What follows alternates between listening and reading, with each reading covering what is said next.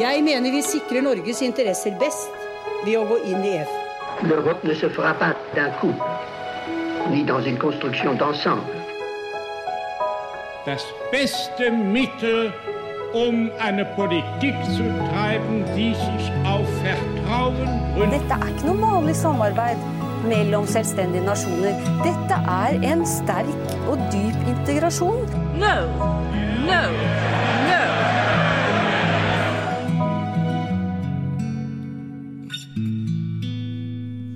Velkommen til Det europeiske kvarter, en podkast om europeisk politikk og historie, med meg, Kristine Graneng. Og meg, Lise Rye. Og vi jobber begge på programmet for europastudier på NTNU.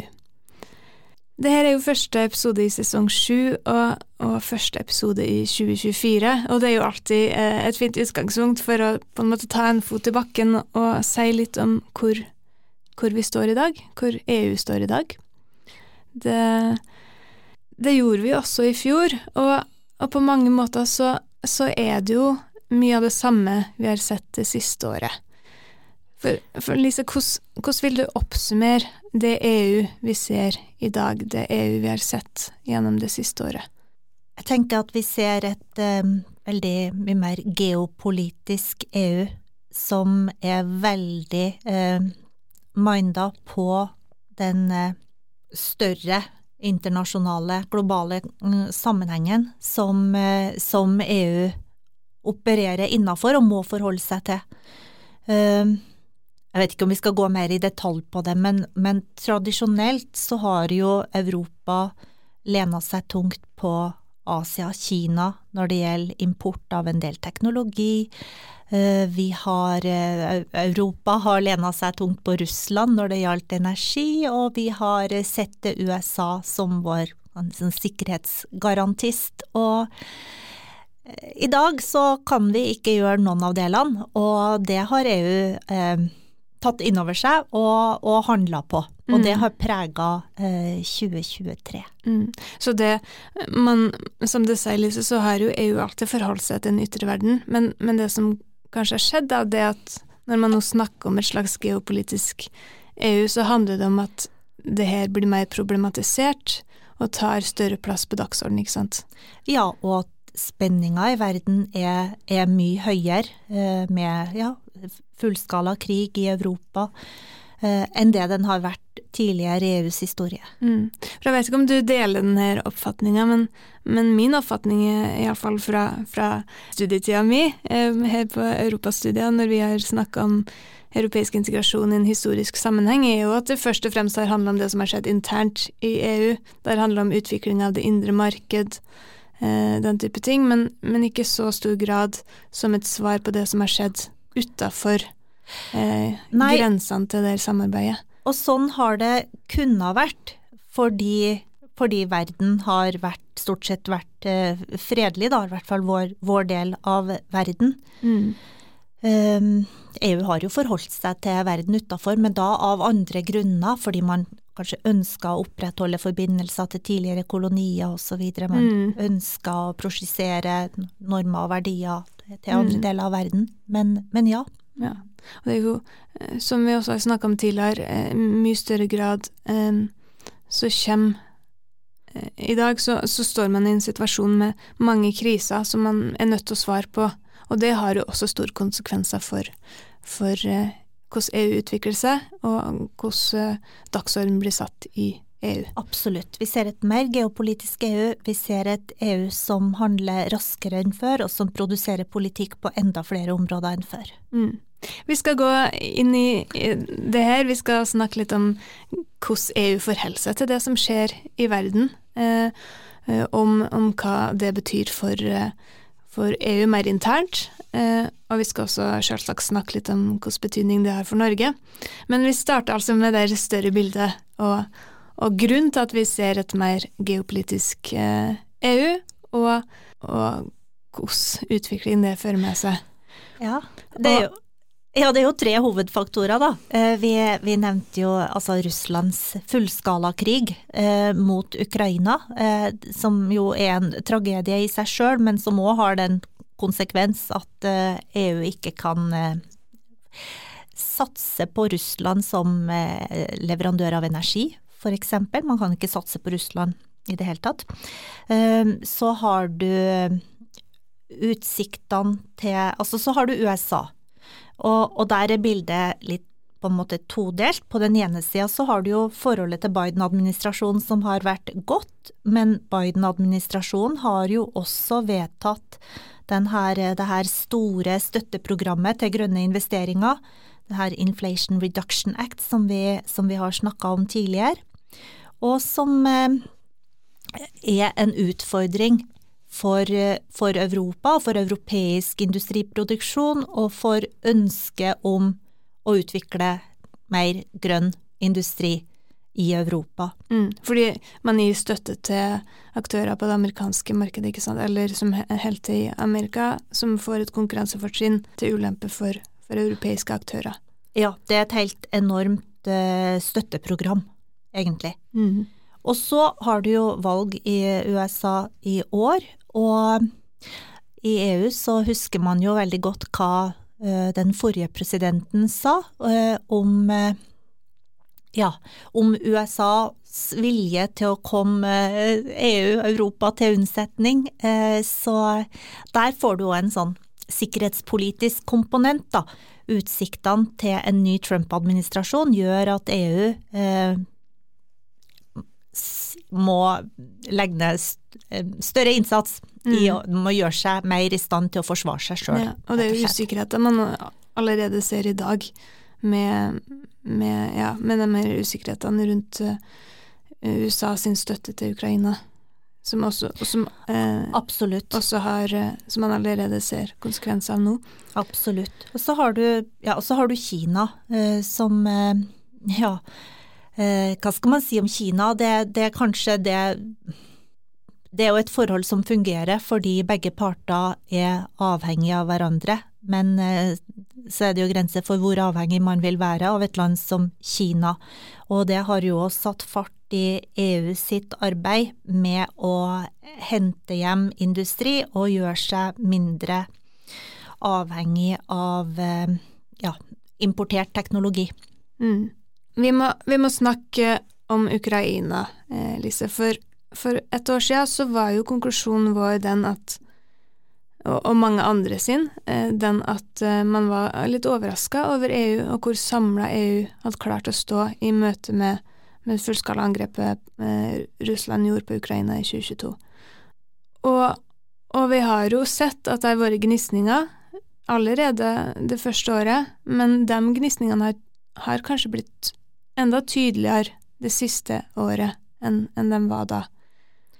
Ja, du har jo noen medlemsland som har eh, vært veldig tydelige på at de ikke ønsker å sende våpen til Ukraina, at de ikke ønsker at Ukraina skal inn i Nato, at de ikke ønsker at Ukraina skal inn i EU, og de har vært veldig tydelige på at de er motstandere av sanksjonene mot uh, Russland.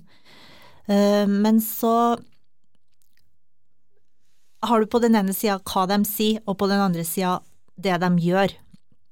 Og selv om land som eh, Vi snakker jo om Ungarn og vi snakker om Slovakia her, eh, og selv om de har vært veldig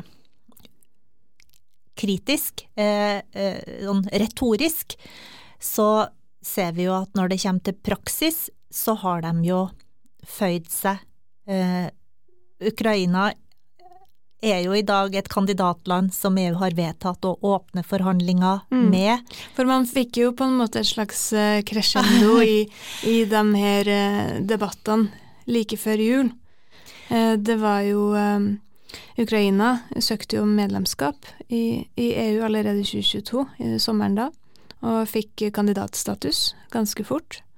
Men så har jo spørsmålet vært når er det man skal starte forhandlinger om medlemskap? Hvor, hvor uh, ja. Hvordan skal man gjøre det her om til en virkelighet? Det er jo og, spørsmålet. Og der var det en veldig rar sak i fjor, hvor eh, man løste det her med at Viktor Orban gikk på gangen når EU-landene skulle bestemme hvorvidt mm. de skulle åpne forhandlinger mm. med Ukraina. Viktig poeng her er jo at alle medlemslandene må være enige. Ja. Må si ja til at man skal ta inn nye medlemsland? Jeg, jeg har ikke helt eh, fått tak på hva det her var for noen ting. Vi har ikke hørt om noe sånt før. Om det var en sånn face-saving operation, eller om det hvor stort press de la på Orban. Men resultatet ble nå åkke som at eh, det ble vedtatt å åpne forhandlinger med Ukraina Mm. Moldova. Ja. Og et annet viktig poeng er jo også at det er jo bare første steg i en veldig lang prosess. Som vi også har snakka om i en tidligere episode av, av podkasten, så, så er jo ett steg i prosessen å starte forhandlinger, men så skal man eh, videre med de her forhandlingene, og da er det mange ledd der medlemslandene igjen må, må gi samtykke til at prosessen kan gå videre, og, og som også betyr at land som Ungarn har nye muligheter til, til å si, til å si eh, stopp eh, i denne prosessen. Og vi vet jo også at det er store em, innvendinger, også fra andre medlemsland mot et ukrainsk Ja medlemskap. Robert Fico, som vi har snakka om tidligere, har jo òg vært veldig Jeg skal si eh, tydelig, eh, sånn retorisk, også nå eh, i, Mm, i januar i i, år. Mm. Ja, eh, den nye statsministeren i Slovakia på at han er motstander av ukrainsk Nato-medlemskap, at han er motstander av eh, å sende våpen til Ukraina osv. Eh, Men, men han gjorde òg en helomvending, og endte jo også opp med å stemme for den veldig, veldig viktige hjelpepakken til Ukraina, som EU nettopp vedtok. Mm, for det var jo også et annet punkt på agendaen på det her toppmøtet før jul. Den her hjelpepakken til Ukraina som, som handler om å gi økonomisk støtte til at Ukraina kan eh, fortsette å være et land som, som klarer å eh, holde i gang eh, ja, statsapparatet. Ja, Ukraina har jo vært tydelig på at den Altså, Ukraina klarer seg ikke uten hjelp utafra, og nå har det jo eh, gått i stå i, i USA ei stund, hvor man eh, ikke har Unnskyld, ikke har greid å bli, eh, bli enig om ny amerikansk støtte, og da er jo den europeiske støtten enda viktigere, selvfølgelig. Mm. Men vi så jo konsekvensene her da, av at det er motstemmer. At, at det er stemmer som taler mot støtte til Ukraina. Ja, det er det. Altså jevnt over så kan du si at hvis du ser på EU i stort, så er kanskje sju av ti eh, fornøyd med hvordan EU har svart Mm, da snakker du om innbyggere. ja, Mm. på denne situasjonen. Det varierer veldig mellom land, altså det landet hvor innbyggerne er mest fornøyd med måten EU har agert på, det er jo i Polen, men også der så ser vi jo at eh, bønder eksempel har protestert mot at eh, ja, de vil ikke ha den konkurransen fra korn fra Mm. Ukraina. Mm. Så vi ser jo det at jo mer konkret eh, eh, jo mer konkrete konsekvenser det her får eh, i medlemslandene eh, i EU og, og for innbyggerne, jo større kime til protester og til konflikt Ja. er det jo. Jeg tenker i hvert fall de her protestene fra, fra polske bønder er et veldig sånn godt uttrykk for det, da. Mm. Og man vet jo at eh, et ukrainsk medlemskap vil ha veldig store konsekvenser for landbrukspolitikken i EU, eh, blant annet. Så, så det er også viktig å si det at selv om, selv om mye av eh, konfliktene eh, rundt støtten til Ukraina, rundt Ukraina sin framtid i EU, har kommet fra de her mer prorussiske eh, aktørene eh, i det siste, så er det viktig å også være obs på at det er andre konflikter som kan komme fram i, i tida fremover, at man må eh, klare å håndtere dem, løse dem på en god måte. Helt klart. Jeg syns, jeg syns også det er veldig interessant å se eh, se den her eh, posisjonen som EU har tatt overfor Ukraina eh, opp mot hvordan eh, EU agerer i andre sammenhenger i verden. Og vi kommer jo ikke utenom å snakke om Gaza, tenker jeg, og situasjonen i Midtøsten, når vi ser tilbake på, på det her året som har gått. Eh, og, og der ser vi at EU sliter, sliter veldig med å ta en, en tydelig posisjon. Eh, jeg så et intervju med Josep Borrell, som er den høyrepresentanten for utenrikspolitikken i EU, eh, som sa det at eh, når det gjelder Midtøsten, når det gjelder krigen på Gaza, så, så er ikke EU i stand til å være en, en, viktig stemme. Fordi det er såpass mye uenighet i, mellom medlemslandene.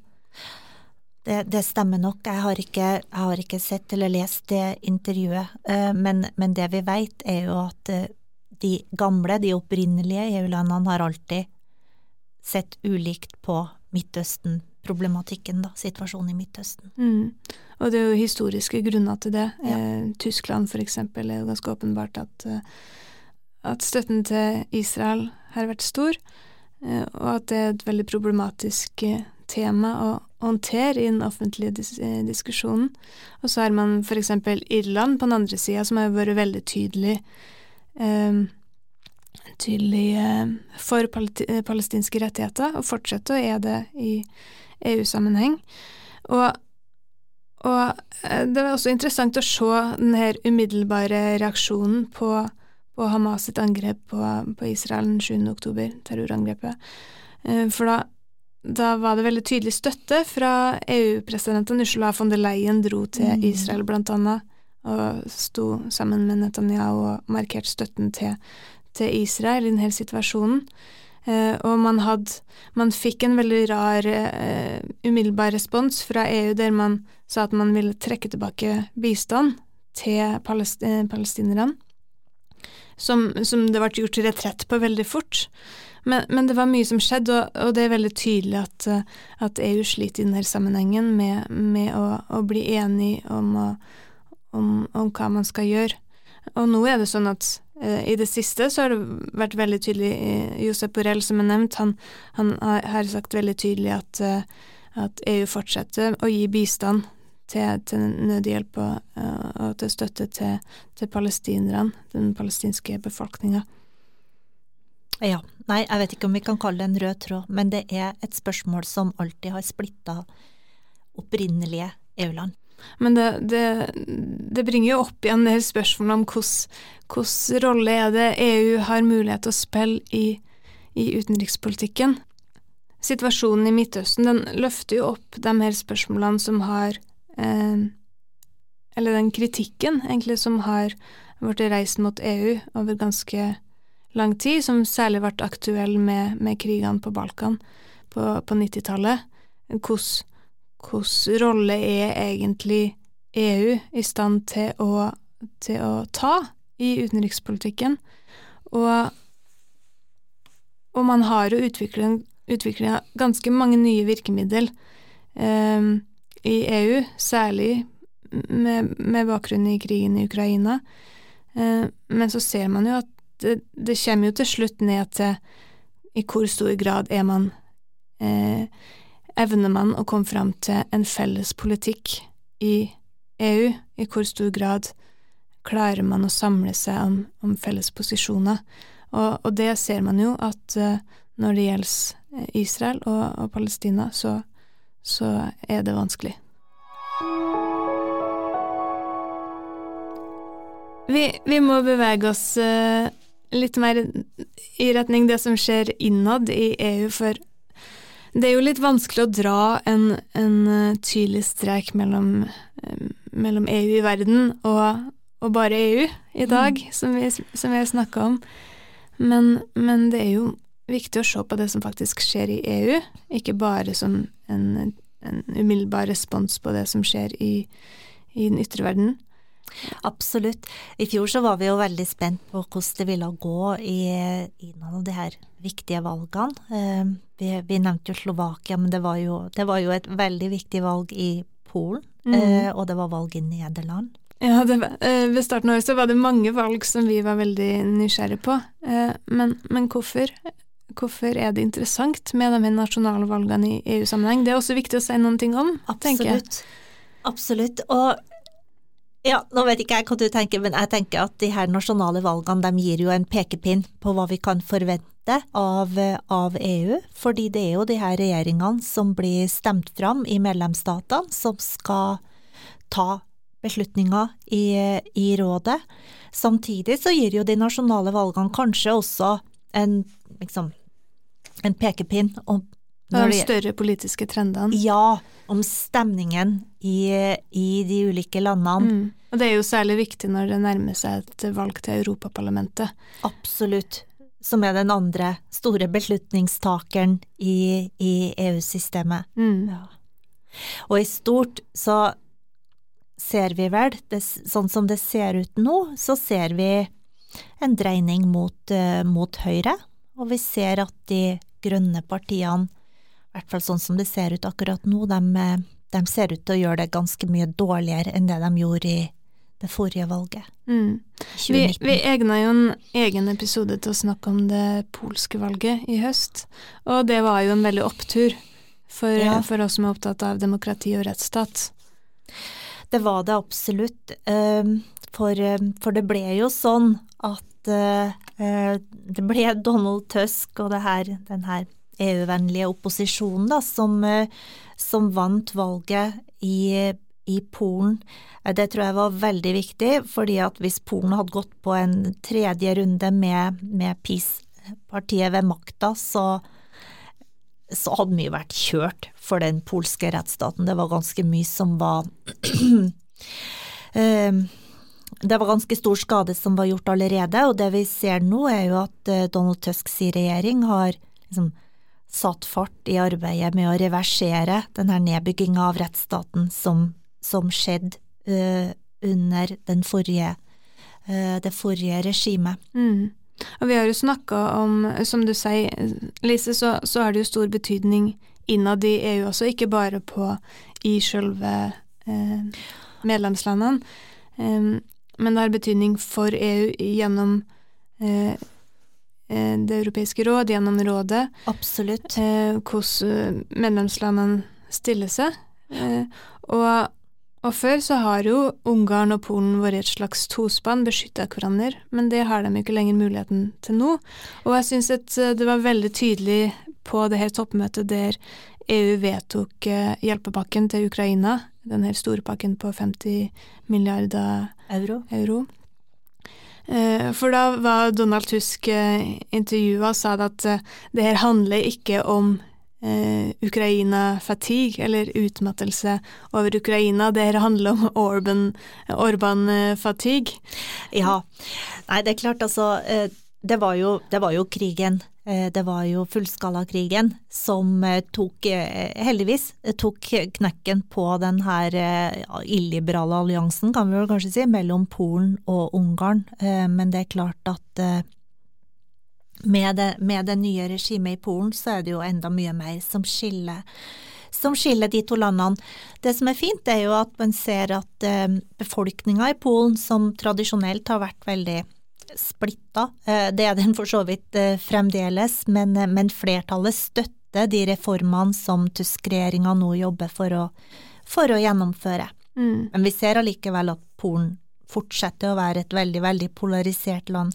Det er ingen av dem som stemte på Peace eller på det her konføderasjonen enda lenger til høyre, som, som, støtter, som støtter reformene.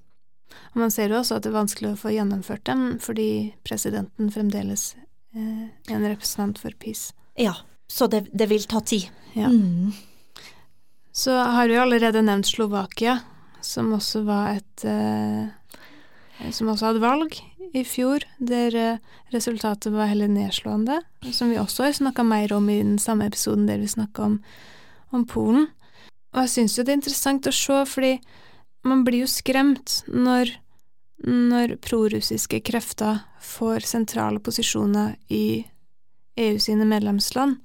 Men, men foreløpig så har vi ikke sett det samme med Slovakia som vi så eh, som vi ser med, med, Ungarn, der man tydelig setter seg på bakbeina eh, for de her viktige beslutningene for Ukraina. Iallfall er ikke det oppfatninga mi ut fra det jeg leser i media. Nei eh, hmm. Nei, eh, antagelig ikke. Jeg tenker vel at eh, i stort så er det, er det også litt likt, fordi at de sånn retorisk så tar de veldig avstand fra å sende militærhjelp til Ukraina, de er mot sanksjonene mot Russland. Men, men, i praksis, så når det kommer til stykket, så blir jo hjelpepakken vedtatt. Det blir jo tatt en beslutning om å åpne medlemskapsforhandlinger.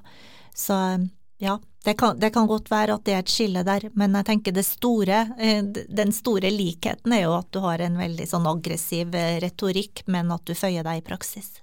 Mm. Så var det et annet valg eh, i november i, i Nederland, som ja. også ja. Det var heller ingen, det, ingen opptur. Nei, der fikk man jo um, um, Gerd Wilders sitt parti, Parti for uh, frihet, eller Frihetspartiet som det kanskje ble oversatt til til norsk, uh, fikk jo en fjerdedel av stemmen, omtrent. Mm. Og, og ble det største partiet, og er det partiet som, som uh, prøver å eller har prøvd å forhandle fram en regjering. Og, og han, Wilders partiet står jo for eh, en veldig euroskeptisk retning, ønsker å trekke Nederland ut av EU er også mer kritisk til støtte til Ukraina, selv om, selv om Wilders har sagt det at uh, Russland sitt angrep på Ukraina la, ikke er berettiga på noe som helst måte, så, så har han sagt det at uh, han uh, mener at Nederland ikke bør, bør gi militærstøtte til Ukraina, men heller fokusere på å, og bevare kapasiteten til Nederland for å beskytte seg sjøl. Ja, men, men, først og fremst så handla det her valget om, om ja, migrasjon. Ja, ikke sant. Det var det jeg tenkte å spørre deg om, for det var vel ikke sånn at, uh, at uh, Ukraina-saken var det som bevega de nederlandske velgerne mest? Nei, iallfall ikke den analysen som blir gjort av uh, den som kjenner det her best. Mm. og det, det, er jo et viktig poeng det også, at, at vårt blikk på de mer nasjonale valgene er jo litt annerledes enn en det blikket som, som velgerne sjøl har. Eh, vi er jo opptatt av saker som typisk ikke er så viktige for velgerne, sånn som europapolitikken, utenrikspolitikken. Eh, sjøl om det nok har blitt litt viktigere de siste årene enn, en det har brukt så vært. Men det her har jo så klart stor betydning for politikken som, som landene kommer til å føre framover.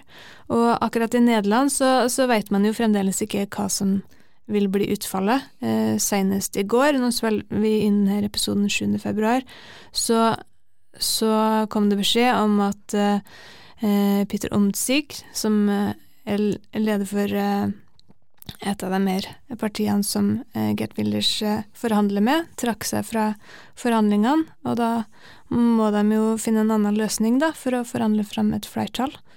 Så det er spennende å se om, om de klarer det, om om Frihetspartiet og Wilders klarer det, eller om eventuelt må bli nyvalg i, i Nederland. Men så har de jo en tradisjon for, i, for, å bruke veldig lang tid på å forhandle fram ja, eh, regjeringa i Nederland. Og, og, parallelt med det her, Kristine, så har det jo skjedd en utvikling i EUs politikk på det her området som viser seg å være så viktig for de nederlandske velgerne. Kan du si litt om det? Ja, da tenker du jo på migrasjonspakten. Ja, eh, som man har prøvd å få på plass lenge. Mm. Og det er jo spørsmål om hvordan velgerne vil oppfatte det her, men, men, situasjonen nå er jo at, at uh, man har for, prøvd å forhandle fram en ny migrasjonspolitikk i EU over mange, mange år. Det første forslaget til den nye migrasjonspakten kom i 2020, men uh, like før jul så ble man enig uh, i i eh, Rådet og, og Europaparlamentet seg imellom om eh, eh, Man kom til en politisk enighet om, om fem ulike eh, eh, områder innenfor denne pakten som, som eh, har, har, vært veldig vanskelig å komme til enighet om før. Og det danner jo grunnlaget for, for ny lovgivning, som fremdeles ikke er helt på plass. Det er jo masse teknisk som mm. må på plass før det kan vedtas, men, men grunnlaget i politikken er på en måte eh, satt med, med, den avtalen som, som, kom før jul. Jeg så det siste Eurobarometer-undersøkelsen. Den viste at eh, det er et klart flertall av innbyggerne i EU som er positive til en felles europeisk politikk på Mm. området, eh, men de er også tilhengere av eh, strenge grensekontroll. Men det er veldig interessant der, og, og jeg tror kanskje vi må, må snakke mer om det i en egen episode for å, for å Gi det den oppmerksomheten det fortjener. Ja, Mm. absolutt. Eh, men, men denne migrasjonspakten går jo i retning av å bli strengere. Man øker fokuset på å, å kontrollere grensene, på å, på å få opp eh, hurtigheter på behandlinga av asylsøkere eh, som, som kommer til Europa. Og det er det jo mange som er kritiske til, fordi det kan bety at eh, rettighetene At det går på bekostning av rettighetene til asylsøkerne. Men samtidig så har man fått på plass en del mekanismer som gjør at det blir en faktisk mer europeisk behandling av et mer europeisk eh, asylsystem. Man har mer solidaritet mellom medlemslandene. For det har jo vært et problem lenge, at Mm. ble så veldig ujevnt fordelt mellom medlemslandene. Mm. Så gjenstår det jo å se hvordan det her vil se ut i praksis når det faktisk blir vedtatt politikk og skal settes ut i livet, og det vil jo også ta lang tid. Men, men man har tatt et stort steg i retning eh, en enighet, iallfall. Og det blir jo spennende å se hvordan det blir debattert fram mot eh, valget til Europaparlamentet, og hvor stor betydning det vil ha for velgerne.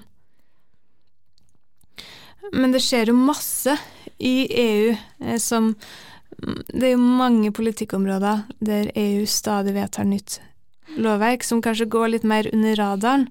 Eh, og vi kan jo ikke snakke om alt, og vi er heller ikke Vi er langt ifra eksperter på, på mange av de her områdene. Eh, men vi kan jo nevne at eh, i det siste året så har det skjedd mye på den digitale lovgivninga, på, på kunstig intelligens. EU kom med en, med en lovpakke der. Eh, men det som jeg kanskje syns er mest interessant akkurat nå, er jo det som handler om, om eh, klima og miljø, og særlig eh, opp mot landbruksinteresser, landbruksnæringa i, i eh, EU. Ja, det er mye uro eh, rundt omkring, og kanskje først og fremst i ja, Frankrike, Nederland. Det er faktisk eh, så en oversikt over hvor det har vært demonstrasjoner i EU eh, denne vinteren. Over hele EU, bortsett fra fire land. Eh, eh, det var en eh, artikkel i Euractiv. Eh, Så har det vært demonstrasjoner. Og de landene der det ikke har vært, det er Østerrike, og så er de tre nordiske EU. Og er det i alle tilfeller demonstrasjoner mot den nye klimalovgivninga? Det virker som om det er veldig forskjellig, eh, og det er jo interessant, fordi i Tyskland eksempel, så, sånn som jeg har oppfattet det, så har jo demonstrasjonene først og fremst handla om at uh, det har vært uh, kutt i støtten til, til landbruket. Man hadde jo en situasjon i Tyskland der eh, man hadde et for stort underskudd på statsbudsjettet og måtte gjøre noen ting med det, og, og det gikk til en viss grad utover landbruket. Så det er veldig Det virker som om det er veldig variert Ja. hva man protesterer mot, men, men felles er jo nær misnøyen med, med dagens situasjon. Men en av konfliktlinjene det går mellom uh, landbruksinteresser på den ene sida og forslag til ny klimalovgivning. Mm, På den klima og miljø. Ja. Og det er viktig å, å ha med seg at det er jo to forskjellige ting. Ja da. Og, og i løpet av det siste året så så vi at det ble mye diskusjon rundt den her eh, Nature eh, Restoration Law, den her loven for um, eh, Å bevare naturmangfold. Ja, og restaurering av, eh, av eh, naturen. Og det er jo et svar på den her masseutryddelsen av arter, eh, de store, den krisen, miljøkrisa som, som er, går parallelt med klimakrisa. Og, og der kom man til slutt fram til lovgivning, men etter store, store uenigheter, store debatter om det her. Og det handler jo i stor grad om at det har store konsekvenser for landbruksnæringa. Ja, og vi- så vel da nettopp at EU har tatt et skritt tilbake eh, og kommet landbrukssektoren litt i møte, eller tatt ut noen av de formuleringene da, som eh, gjaldt landbruket. Mod Mm. Moderert dem, kan vi kanskje si. Mm. Så det er jo en, en balansegang her som er veldig krevende, og, og mellom Jeg så en analyse av en eh, dansk analytiker som uttalte seg eh, i et intervju på, på dansk TV om, om det her, og sa at eh, man, man har gitt litt mer på miljø fordi man vet at det kommer strengere krav i klimasektoren, eller på, i, gjennom klimapolitikken. Og så det er jo kjempespennende å følge med på hvordan hva gjør man i EU, eh, i politikken, og hvordan blir det mottatt? Og, og jeg som er veldig opptatt av de her politiske diskusjonene, og særlig hva er det EU får skyld for, hva er det man ser på som problemer som kommer fra EU-nivå, og hva er det som er medlemslandene sitt ansvar, hva er det eh, medlemslandene får, får skylda for?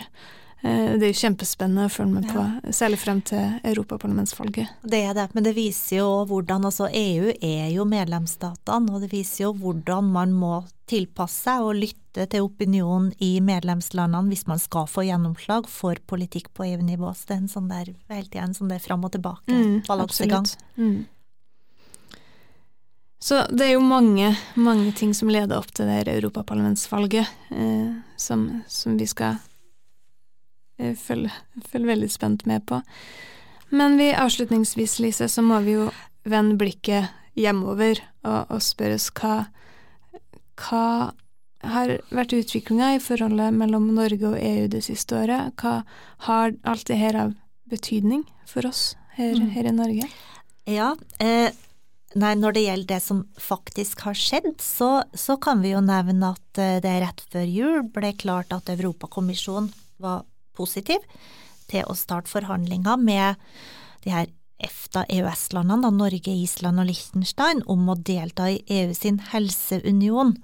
Og jeg tenker at det er et sånt, eh, et sånt en interessant illustrasjon av hvordan ny politikk i EU blir til som et svar på, på krisa, for arbeidet med helseunion i EU, det var jo et arbeid som skjøt fart etter pandemien, hvor man nå da utvikler et samarbeid hvor man skal forsøke å forebygge og reagere på og forhindre nye pandemier. Og, og det her er jo et, eh, et arbeid som Norge har vært veldig interessert i å få delta i, men som eh, det ligger utafor det indre marked, eh, og hvor vi nå har kommet et skritt nærmere mulig norsk deltakelse, da.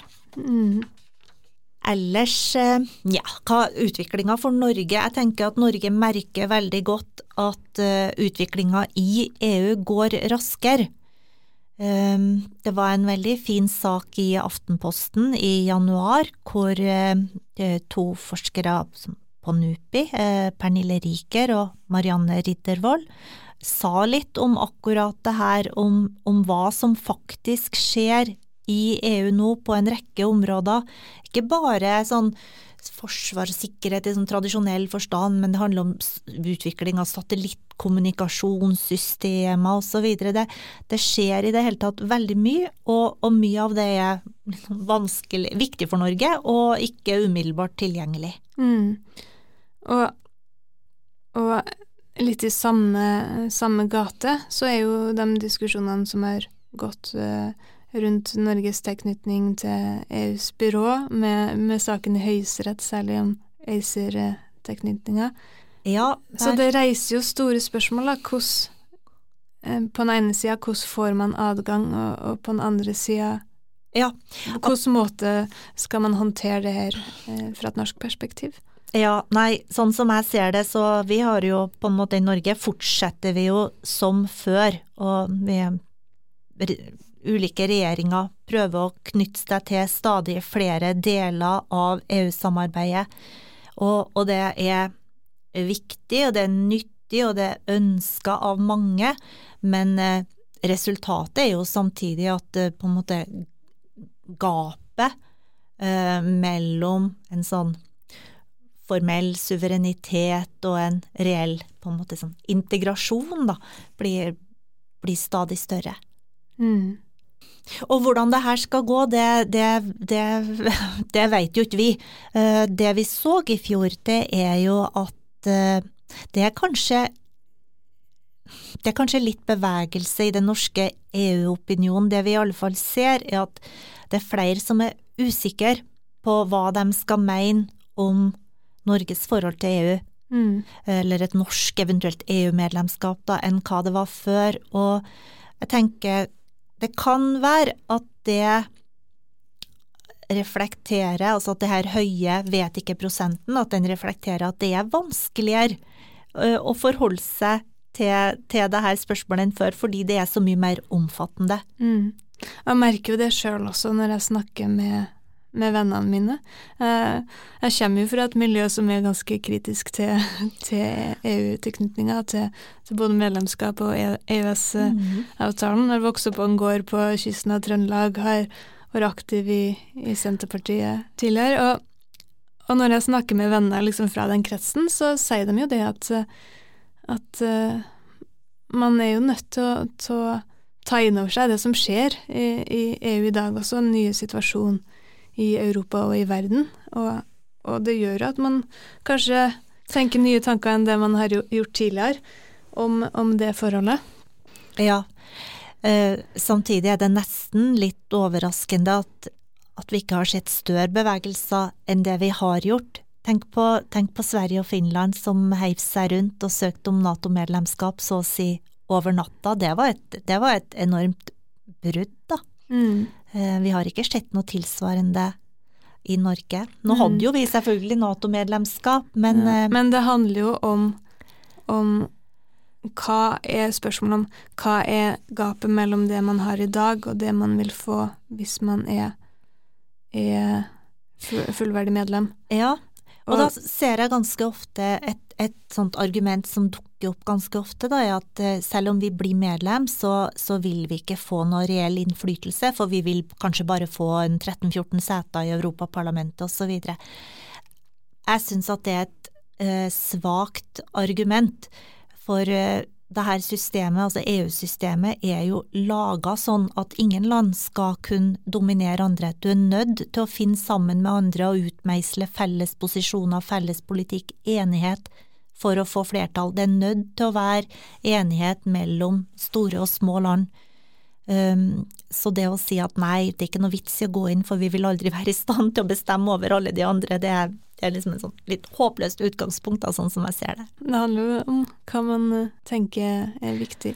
Ja, hvis man tenker at den eh, eh, Altså med å stå utafor, så har vi jo mulighet til å føre en selvstendig politikk på områder hvor vi som medlem blir antagelig nødt til å føre eh, EU-politikk.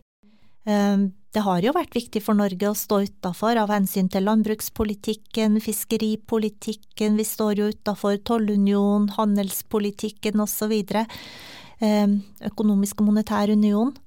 Så det er klart at vi, vi opprettholder en handlefrihet, men så får man, ja, nei, man får mm. veie da. Mm. Men det er jo en begrensa handlefrihet all den tid vi, vi deltar aktivt i, i samarbeidet og, og, tar inn eh, ja, altså, lovgivning, og, og, enten formelt eller eh, gjennom at vi tilpasser oss. Og, og hva er handlefrihet hvis du i realiteten er avhengig av andre på nesten alle områder? Men for meg i alle fall så er det et viktig poeng det at uh, all den utviklinga som skjer i EU, vi er jo nødt til å holde oss oppdatert på, på den for å ta stilling til de her spørsmålene, for å, for å vurdere uh, nytten av å delta eh fullt eller ikke delta på, på, noen områder. Og man ser jo, iallfall er mitt inntrykk, at, at uh, når man snakker om relasjonen til EU i Norge, så blir det ofte en debatt om debatten. Eh, Iallfall når jeg hører på Politisk kvarter om morgenen f.eks., så føler jeg at ofte når man snakker om EU, så er eh, spesifikt så handler det om eh, trenger man en ny EU-debatt? Eh, ja. Mm. Men jeg mener at det, det, det som er vel så viktig, iallfall, for at sånn som situasjonen er i dag, er at man diskuterer nettopp hva er det som skjer i EU, hva er det det har av betydning for for Europa, og hvilken betydning har det for Norge? Og hva er konsekvensen av å delta, og hva er konsekvensen av å stå utenfor? Mm. Og det er jo på en måte en avledning fra, fra den debatten. Eh, og, og, det vi ser da med den utviklinga som skjer, er at det er mange punkter der vi må holde oss oppdatert. Eh, bare den her eh, prosessen med utvidelse av EU. Vi kan få, snart få se et EU som, som består av over 30 medlemsland, hvis denne prosessen fortsetter å gå som den har gått til nå. Det, det, kan man jo stille mange spørsmål ved, men, men, det har jo stor betydning for den e, politikken som vil bli ført i EU, men også for, for hvordan EU fungerer som system. Man vil jo kanskje blir nødt til å ha mer flertallsavgjørelser i EU, eh, med flere medlemsland, for å få det til å fungere som et system, eh, som et eksempel. Ja da, eh, og det vil bli vanskeligere å være utenfor land. Sånn er det bare, fordi at den ja, når vi, når vi starta på denne galeien, så var jo ikke styrkeforholdet mellom EU og de her EFTA-landene som samarbeider med EU så, så ujevnt, men, men, det har jo blitt mer og mer ubalansert for hver utvidelse av EU. Um, og det er bare sånn det er. Summen av interesser som skal ivaretas på innsida av EU-systemet blir større, og ja, kunnskapen om utenforlandene sine avtaler, uh, opptattheten av å ivareta eller kom andre land i møte, er ikke nødvendigvis like stor som den, som den var på begynnelsen av 90-tallet. Mm. Det handler om kapasitet òg. Ja. Mm. Og så har vi spørsmål om hvilken betydning de her ulike satsingene som vi ser i EU, har for Norge.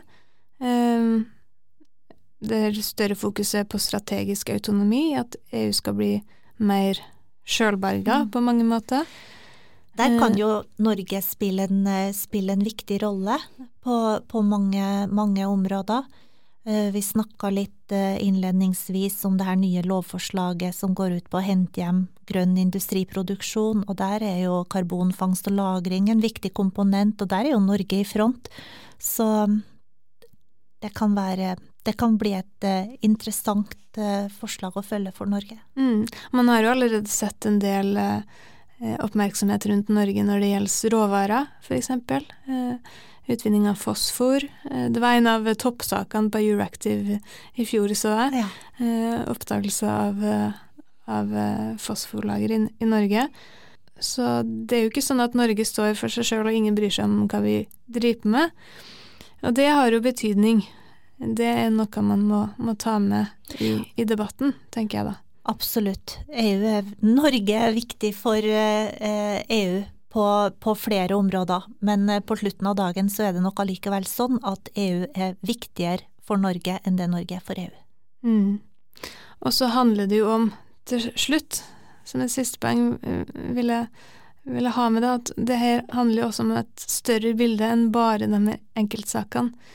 Eh, sånn som situasjonen er i dag, så er det jo det handler mye om spørsmål om hvordan skal man sikre demokrati og fred i Europa, og, og det er også noe vi må, må, diskutere, tenker jeg da. Hva er Norges bidrag inn til det her europeiske samarbeidet, og hva tenker vi om, om utviklinga som skjer eh, på kontinentet? Absolutt. Så det er mange, mange, spørsmål som jeg tenker vi må fortsette å diskutere, som Absolutt. jeg håper at flere hiver seg, hiver seg med på. Og, og, det er jo mye spennende som skjer det her året også.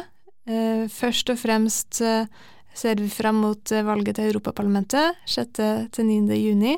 Og jeg syns det er ekstra spennende nå, fordi Du skal om, jo følge det fra et medlemsland. Ja, om en liten måned så flytter jeg til Berlin for å, for å jobbe på universitetet et universitet der, fortsette å forske og undervise der. Men det gir jo litt annet, et annet blikk på, på det som skjer i EU enn det jeg har hatt fra Norge, så det er jeg veldig spent på hvordan det blir. Men det gjør jo at det er litt vanskeligere for oss å møtes her i studio på Dragvoll, her vi har brukt å møtes, så, så Nei, det går jo ikke, men Nei, eh, vi, vi, får se om vi finner, finner en løsning. Mm, vi tenker at eh, vi skal fortsette med podkasten, men episodene blir nok litt mer sporadisk. Men, men eh, forhåpentligvis kan jeg også fylle på med litt flere anekdoter fra, fra Tyskland, fra, fra Berlin. Det blir bra. Ja. Så tusen takk for at dere har hørt på denne episoden, denne lange episoden, eh, som langt ifra har vært veldig helt utfyllende om alt det som har skjedd eh, det siste året, og om utviklinga i EU, men som vi håper har gitt litt oversikt over det vi iallfall har tenkt at det er viktigst.